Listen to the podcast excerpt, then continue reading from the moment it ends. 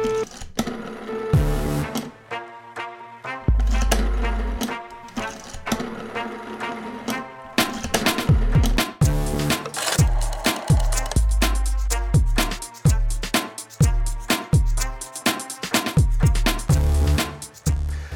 Dobar dan, dobrodošli u još jedan podcast, još jednu emisiju.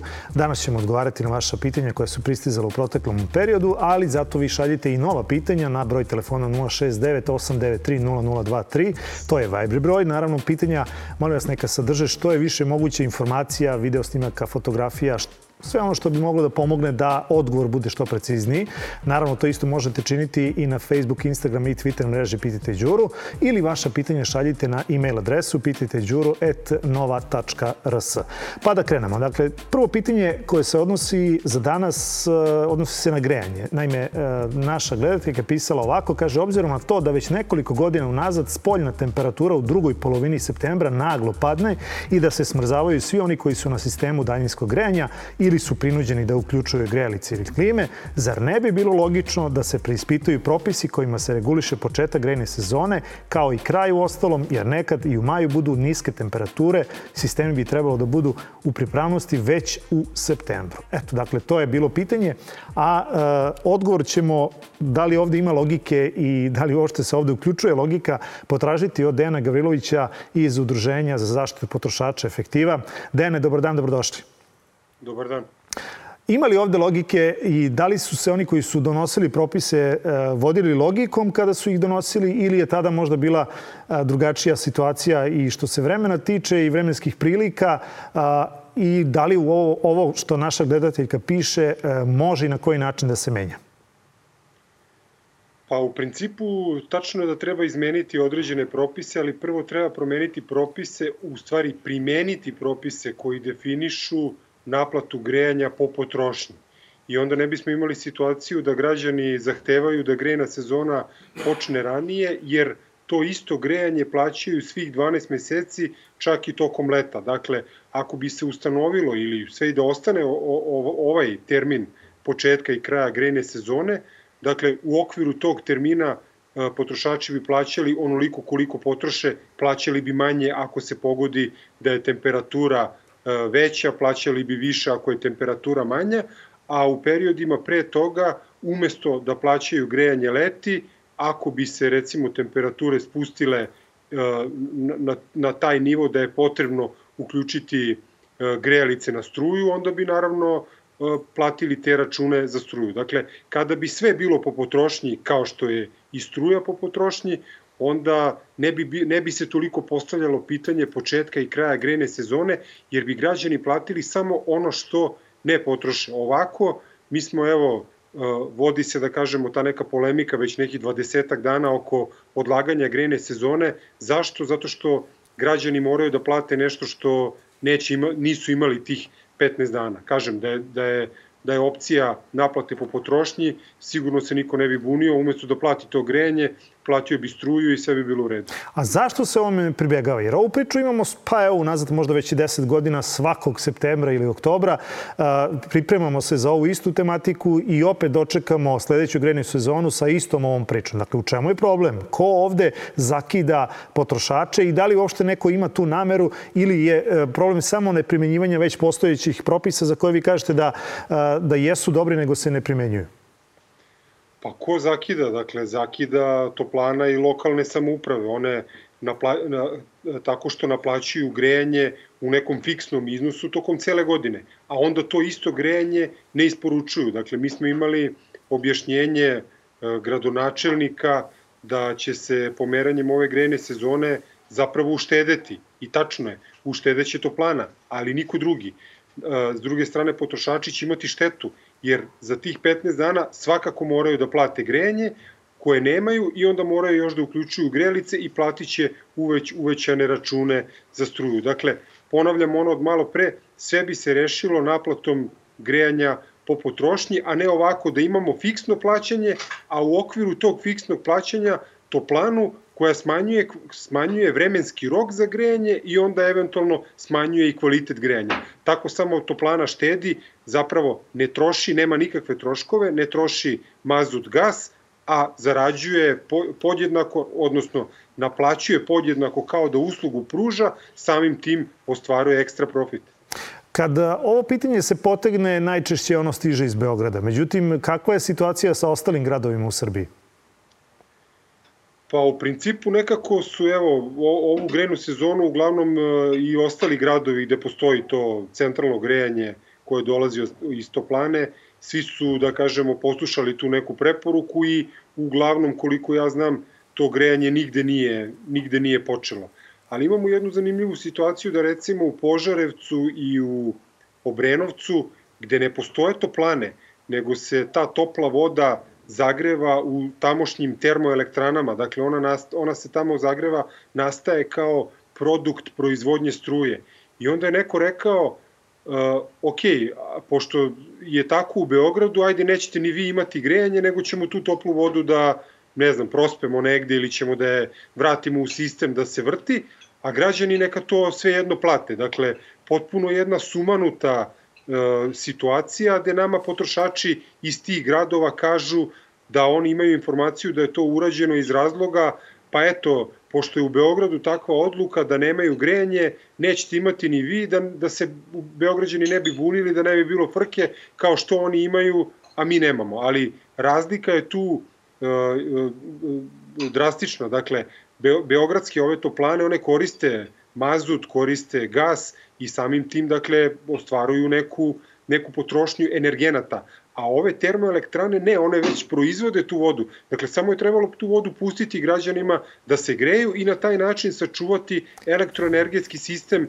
dodatnih opterećenja. Dene, imali ovde pomoći? Dakle, neka od udruženja za zaštitu potrošača pozvala su, pozvala su građane da im pišu, da im daju svoje račune infostana, da fotografišu to i samo da napišu da hoće da tuže državu. Dakle, imali ovde nade da se ova situacija jednom konačno promeni. Dakle, u korist potrošača, a ne u korist, kako vi kažete, kažete, e, toplana i lokalnih samuprava?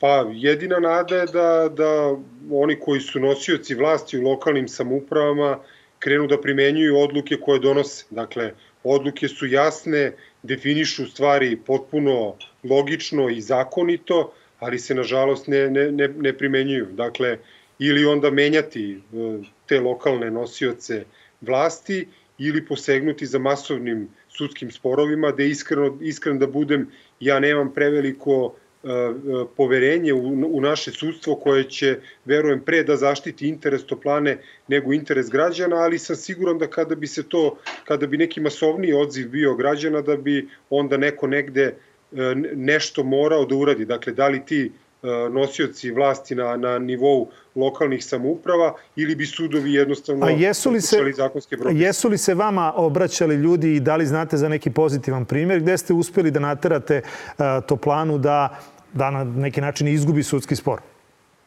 Pa bilo je nekih sudskih sporova koje je Toplana izgubila, ali ne po ovom osnovu i ne da ja znam. Dakle, mi se sad bavimo poslednjih 15-20 dana ovim odlaganjem grejne sezone i podneli smo i prekršenu prijavu i, i, i inicijativu komunalnoj inspekciji da pokrene prekršenu prijavu i zahtev sekretarijatu za energetiku, pričam na nivou grada Beograda, dakle tražili smo umanjenje računa.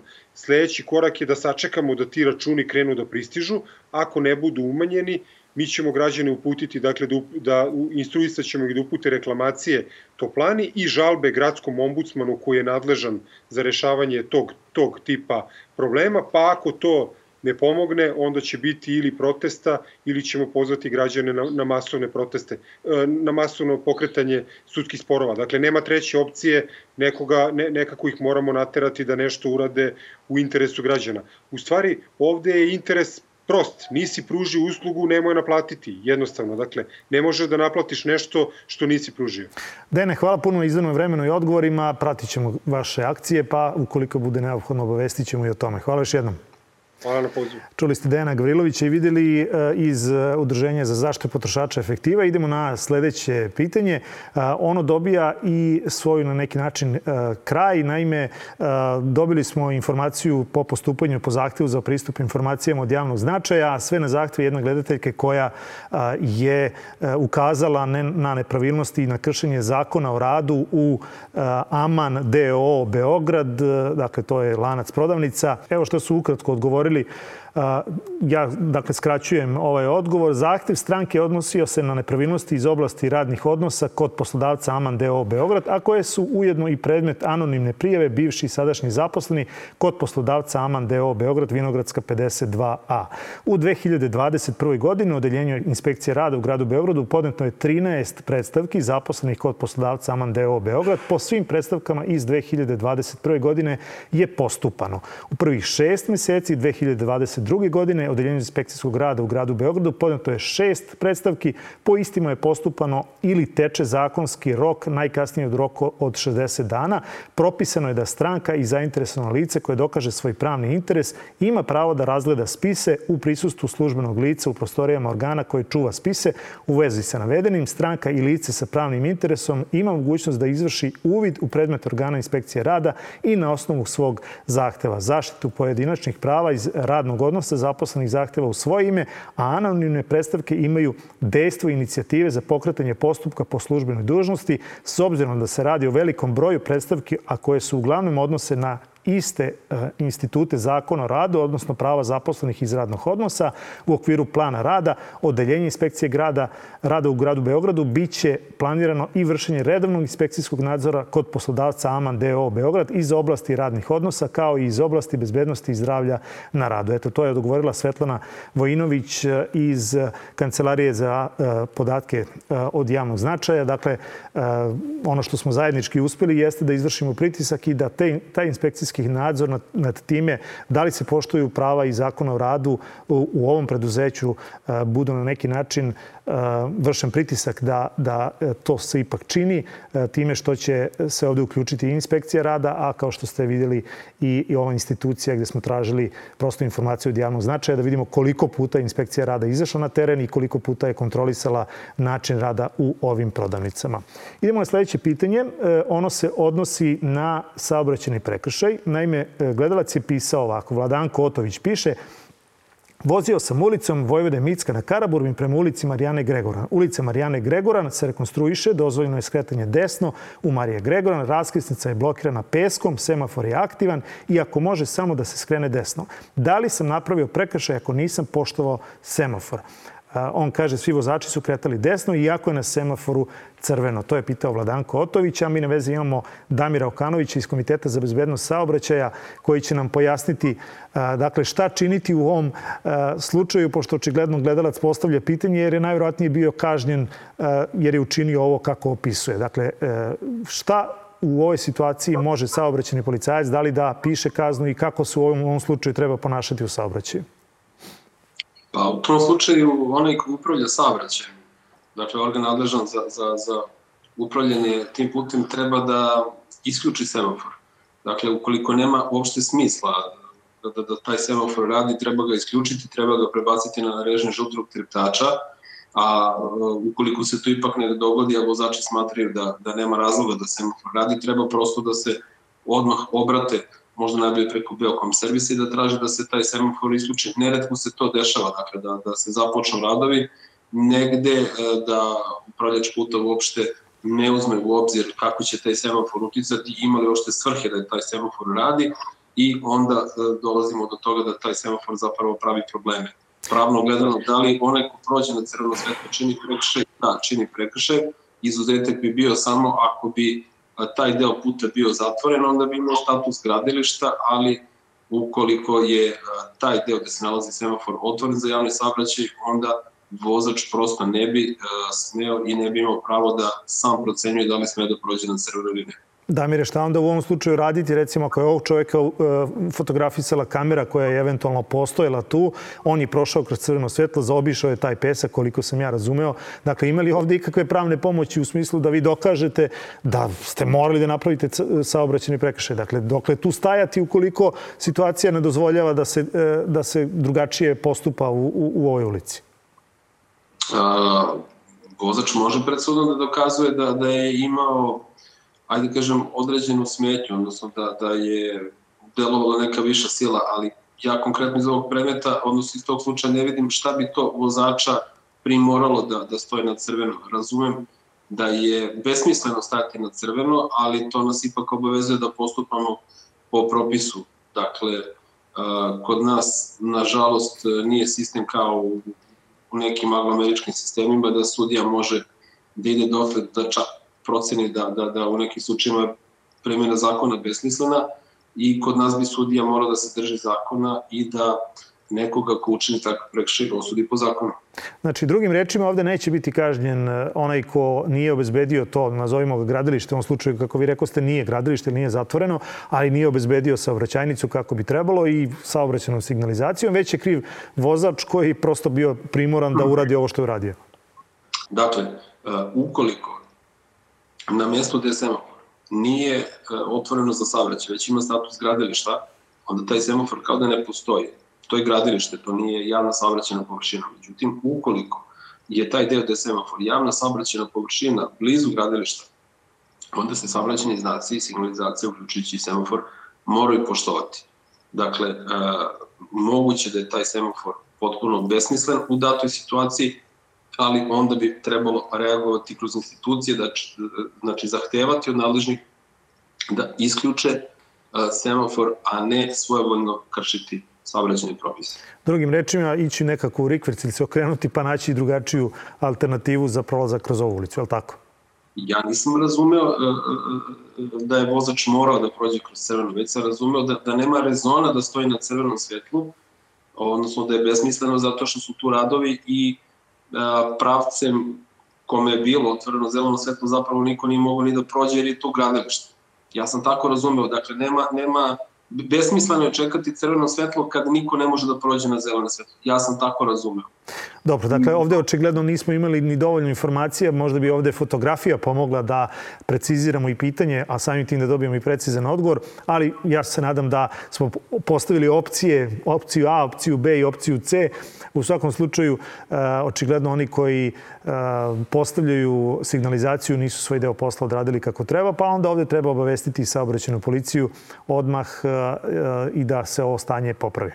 Ja moram da kažem, neretko se dešava, izvinjam se, zaista da imamo ozbiljne probleme kada se, kada se e, izvode određeni radovi. Na primjer, kada se radila rekonstrukcija poteza Dušanova George Washingtona 27. marta, bila izmjena režima e, saobraćene raskrsnici Bulevara Vojde Povića i Dunavske ulice e, kod stadiona Tona raskrsnica kod, kod Kalemegdana. I A, dogodilo se da vozila koje dolazi iz Dunavske ka Kalemegdanu moraju inače da idu obavezno desno, a međutim promenjen je režim da ne smije da idu desno, nego, nego da moraju da idu obavezno levo. A, semafor koji je tu na toj raskrsnici je ostao u postojećem režimu i a, desilo se to da promenom obaveznog skretanja iz desno u levo, a dođemo u situaciju da su vozila koje iz Dunavske skreću levo ka, a, ka Dušanovoj i vozila koje dolaze iz pravca Kalemegdana po Barom Vojdogovića istovremeno imaju uključeno zeleno svetlo. I pravo je čudo kako tu nije došlo do teške sabraćene nezgode. Dakle, to je bila situacija kada onaj koji a, organizovao izveđenje radova i kada upravljač puta uopšte nije sagledao sve okolnosti i nije shvatio da će promenom jednog da kažem, činioca u tom sistemu zapravo doći do ozbiljnog problema, tako da ja koristim ovu priliku da apelujem i na one koje izvode radove i na one koje upravljaju putevima, da dobro obrate pažnju kako će izmena režima zbog izvođenja radova uticati na kompletan saobraćajni sistem u, u bližoj okolini. Damire, hvala puno na uključenju i na odgovorima. Nadam se da je sada ova situacija jasnije, da znamo kako se ponašati u datim okolnostima. Hvala još jednom. Bio to Damir Okanović iz Komiteta za bezbednost saobraćaja.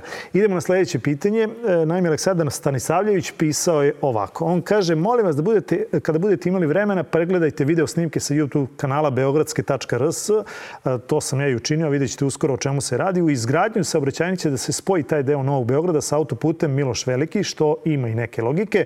Čuli smo svi i nepotrebno. Plan da se i takozvani nacionalni stadion izgradi u tom delu Novog Beograda. A započeta je i neka ideja, projekat da se kompletan Beogradski sajam prebaci na istu tu poljanu ukoliko Beograd dobije organizaciju Expo 2027-28. Takođe, e, kaže Aleksandar, novi kineski tržni centar iza naselja dr. Ivan Ribar na Novom Beogradu. E sad, da bismo razjasnili šta se ovde zaista dešava, na vezi je e, Božana Stojić iz Ministarstva prostora. Božana, dobrodan dobrodošla u program. Dakle, šta se dešava sa Galovicom? Hoće li ovo što naš gledalac piše ugroziti ovaj deo ovog Novog Beograda? Dobar dan, hvala vam na pozivu. Pa da, ti, ja sam isto videla taj prilog o radovima i koliko smo razumeli, to su u stvari E, radovi, e, odnosno privođenje infrastrukture nameni u skopu već usvojenog prostornog plana za nacionalni futbolski stadion. A ono što se sada dešava, e, da negde povežemo jeli, sa, sa ovim pitanjem izmeštanja sajma, ono što je aktualno jeste sada takođe prostorni plan područja posebne namene za nacionalni futbolski stadion za drugu fazu. Tako se zove, a zapravo E, obuhvata e, jednu površinu od 167 hektara koja, e, na kojoj bi trebalo da se izgradi kompleks za Expo 2027. godine i sada to je Dakle, to je, to je plan. Uh, on je opredelio jednu parcelu, ogromnu parcelu od 113 hektara, jednake veličine kao i za sam stadion, za uh, taj, odnosno za taj neki multifunkcionalni prostor, uh, za samu izložbu, ali i za prateće komercijalne sadržaje i smeštajne kapacitete, kako se to u planu navodi. I to nas sve dovodi do te neke pretpostavke da, e, da, e, da kada negde to povežemo sa izmeštanjem sajma, e, nema, dakle mi zvanično neku odluku o izmeštanju sajma nismo videli o tome smo mogli da slušamo prethodnih godina u medijima od gradskih uh, zvaničnika. Međutim, to, dakle, neke zvanične odluke nema, ali uh, je sasvim razumno uh, to pretpostaviti, s obzirom da smo imali u junu ove godine na radnom javnom uvidu generalni urbanistički plan za grad Beograda do 2041 koji, uh, koji je rekao da uh, ta zona sadašnjeg sajma uh, zapravo će biti jedna zona kreativnih industrija. Tako da se, mislim, postavlja pitanje onda, dakle, ako su ovamo onda kreativne industrije, da li to znači da se sajam premešta i da li je onda to baš ova lokacija sada za Expo? Hoćemo li mi dobiti neke odgovore na ovo, na ovo pitanje? Vi kažete bilo na javnom uvidu, da li su građani ošte upoznati sa svim ovim i da li to znači da će Galovica biti, da će biti ugrožena? Uh, pa, uh, dakle, na javnom uvidu je bio generalni urbanistički plan. Um, prema nekim istraživanjima uh, koje smo mi sproveli uh, i prošle godine, istraživanjem javnog mjenja kada smo pitali da li su građani upoznati sa GUP-om, to je bio jedan manji procenat, e, jako mali, dakle nedovoljan, ali mislimo da, e, da, da, su, mislim da je taj procenat sada već porastao s obzirom da taj proces traje. Bilo je dosta i primetbi građana, dosta grupa građana, dosta udruženja, nevladinih organizacija koje su upravo skrenule pažnju na rani javni uvid i na sam sadržaj GUP-a, tako da mislimo da kada nam bude došao sad e, na red javni uvid e, koji sledi e, u nekom narednom periodu, ne znamo tačno kada, mislimo da će ovaj, da, da kad sve ove teme sa kojima razgovaramo, da će negde motivisati građane da se još više uključuju u taj proces. sami radovi na nacionalnom futbolskom stadionu, pa ako se usvoji i ovaj, e, ovaj isti plan, odnosno za drugu fazu, za Expo 2027. Ti radovi e, pretpostavljamo da hoće ugroziti, ugroziti životnu sredinu e, u svom okruženju, dakle to je zona, treća zona sanitarne zaštite vodoizvorišta. Ovo što je ovim planom, ajde da ga zovemo jed, jed, jedan plan, dakle nacionalni futbolski stadion i Expo, s obzirom da je to sve jedan kompleks, jedna površina. Um, on, dakle, sad e, te delatnosti koje su predviđene da se tu odvijaju uh, u, nekim, uh, u nekim aspektima zapravo ne bi smele da se, da se održavaju u toj trećoj zoni sanitarne zaštite vodoizvorišta. Um, tako da, mislim, nažalost, pretpostavljamo da do te neke mere uh, okoline životne sredine uh, mogu biti ugrožene ovim projektom. Ima li Božena ovde ikakvog leka u smislu da se to može zaustaviti? Dakle, ili je ovaj proces koji je započet prosto nešto što će se uh, desiti? Pa, Dakle, sad što se tiče ove druge faze, uh, traje javni uvid i građani mogu da podnesu primetbe, da ne pogrešim datum, mislim da je do 17. novembra, mogu se poslati primetbe, sledit će posle toga i javna rasprava o samom planu i ja zaista pozivam sve građane da, u, da uzmu učešće u ovom procesu i u svakom uh, drugom procesu izrade plana. Um, ono što moram da istaknem, nažalost, jeste da to, dakle, videli smo kako je usvojen ovaj uh, plan um, za nacionalni futbolski stadion, dakle, on je i protivzakonit i ne poštoje regulativu um, koju bi morao da poštoje i plansku i zakonsku, um, postavlja se ogromno pitanje ekonomske isplativosti i opravdanosti ovakvih projekata, Um, Jeste li vi ispred Ministarstva prostora podneli uh, ovo umesto građana, da tako kažem, pošto ste prosto uključeni u tematiku i znate o čemu pričate? Mhm.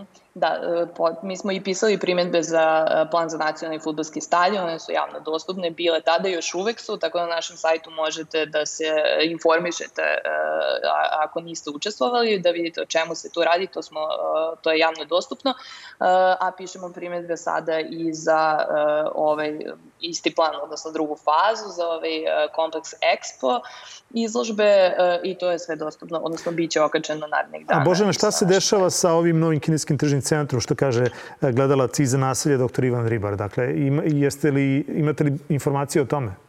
E, to smo tek, ja nemam sada informacije da podelim, to smo tek, e, da kažem, zagrebali, tako da tu nisam, e, nisam ja lično nisam još toliko detaljno ušao u to kao što jesam za ovaj plan, ali mi ćemo svakako u narednom periodu to sve podeliti. Hvala puno na, na ovim odgovorima. E, pratit ćemo svakako šta se dešava. Vama hvala još jednom na izdvojnom vremenu i na odgovorim na ova pitanja našeg gledalca Aleksandra. Bilo je to Božana Stojić iz Ministarstva prostora. A mi idemo na sledeće pitanje koje se odnosi na popravljen kolovoz, ali na početku, pre nego što je bio popravljen, e, vidjet ćete e, fotografije koje je poslao gledalac. On kaže, već tri nedelje saobraćaj ulicom Cara Uroša se odvija oteženo zbog oštećenog kolovoza na raskrsnici ulice Cara Uroša Cincar, Janka, Zmaja od noća, pri čemu se, su izrovana površina od ulične kocke svakim danom širi. Napominjem da teški kamioni natovareni sa materijalom za obliženu građevinu su glavni uzrok propadanja kolovozne trake, iako je primjetno da zadnjih nedelju dve kamiona je sve manje, verovatno zbog visokih dnevnih temperatura i godišnjih odmora. Nadležni za sada ne reaguju, iako je ulica Cara Uroša jedna od prometnijih eh, na Dorćolu. To je pisao svojevremeno Dragan Vignjević iz ulice Strahinjića Bana u Beogradu pa sam ja onda to njegovo pitanje i pisanje prosledio onima koji su nadležni da popravlja, to su inspekcije i a, on je onda i poslao da je a, fotografiju koju pokazuje da je popravljen kolovoz na uglu ulice Cara Uroša, Zmaja od noće i Cincar Janka. Dakle, zajedničkom snagom smo na neki način doprinuli tome da se ovo vrati u pređašnje stanje. E sad idemo na sledeće pitanje koje se odnosi na stanovanje. Naime, Gledalac kaže, upravnik sam zgrade u Milutina Milankovića 120D. Problem koji imam tiče se lokala koji se nalazi u zgradi pored u Milutina Milankovića 120G. Taj lokal je sagrađen za potrebe Skupštine stanara, tri ulaza, 120G, D i E.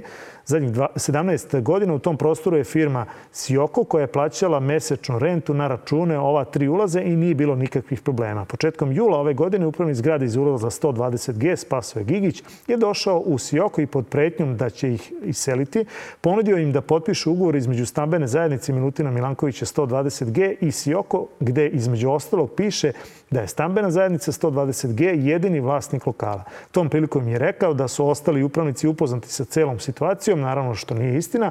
Vlasnici Sioka su potpisali taj ugovor. Upravnik zgrada iz ulaza 120E i ja smo unajmili advokata i pokušavamo van sudskim postupkom da rešimo problem. Poslali smo dopisi Gigiću i firmi Sioko, kao i stanarima zgrade u sva tri ulaza da budu upoznati šta rade upravnici koji ih zastupaju. Inače, Spasoje Gigić je takođe upravnik u zgradi 120V gde i živi. Da ironija bude veća, istu stvar je uradio pre 12 godina sa lokalom koji se nalazi u zgradi 120V i zadnjih 12 godina se tuži sa upravnicima iz susednih ulaza A, B. Ali u trećem sudu taj spor se razlači duže od 10 godina. Gledalac koji je poslao pitanje kaže da šalje i dopis firme koja je gradila pomenute zgrade gde se eksplicitno kaže koja je namena lokala kao i obaveštenje koje smo uputili stanarima iz tri ulaza u nadi da možete da mi pomognete da se ne razlačimo po sudovima toliko dugo ili bar neko da čuje za ovaj problem. Pišemo ovaj mail i unapred hvala na odgovoru. Dakle, to je pisao Branko Jeremić a Branko za sada stiže odgovor iz Ministarstva građevine. Oni imaju sektor koji se bavi upravo ovim stvarima i nažalost oni kažu da ovo nije njihove nadležnosti. Oni kažu s obzirom da se u navedenom slučaju radi o ugovoru, bilo kakva spor na pitanju u vezi sa pravima i obavezama po ugovoru se rešava isključivo kroz sudski postupak. U navedenom slučaju relevantna je primjena zakona o obligacijonim odnosima, a ne zakon o stanovanju i održavanju zgrada. Te stoga nemamo nadležnosti da dajemo mišljenje u vezi sa njegovom primjenom u ovom slučaju. Drugim rečima, šta da vam kažem, Ranko, sem da vam je jedina opcija, ukoliko ne možete van sudski, da se dogovorite nekom medijacijom, da prosto idete na sud, jer, kako kažu iz ministarstva, ovde je nadležnost zakona o obligacijonim odnosima, dakle, sud, upravni sud i na taj način da pokušate da rešite ovaj problem. Eto, dakle, to je odgovor na vaše pitanje. A za kraj današnje emisije, evo nečega što prosto oslikava ili možda ne oslikava, ne znam ni kako bih e, najavio ovo pitanje, situaciju koju je poslala naša gledateljka. Ona kaže, iskreno se izvinjavam zbog slika koje vam šaljem, a jedno, jedino što e, sam znala je vaš mail adresu, inače bih poslala Ivana Ivanoviću, jer ovo zaslužuje komentar na, takozo, na TV-u. E, budaletini bi palo na pamet da uradi ovako nešto? Ovo je inače stajalište autobusa 73 708 94 u omladinskih brigada preko puta medicine rada a vidjet ćete o čemu se radi. Dakle, ovde ne treba komentar, samo fotografija će pokazati dakle, e, o čemu se ovde zaista radi. E, možda to oslikava našu kulturu ili ne kulturu, e, pa ja bih molio samo iz režije da dobijemo jedan krupan kadar, da, po, da vidite kako se to naši sugrađani po, ponašaju. Dakle, jeste možda sila da je naterala, ali ovo je nešto nevjerojatno. Dakle, u sred Novog Beograda da imate izmet na autobuskoj stanici na klupi gde neko treba da sedne. Eto, nažalost, ovakvom slikom završavamo današnju emisiju. Zato vi šaljite možda neka, neke lepše stvari ukoliko se može problem nazvati lepim, ali u svakom slučaju zajednički ćemo pokušati da uh, odgovorim na pitanja vaša i da rešimo određene probleme. Širom Srbije šaljite uh, vaša pitanja na mail adresu pitajte đuro.nova.rs pozovite 069 893 0023 to je Viber broj, može dakle, da zovete sa svih strana sveta ili vaša pitanja šaljite na mreže Facebook, Instagram i Twitter. Toliko za ovaj podcast. Vidimo se ponovo sledeće nedelje.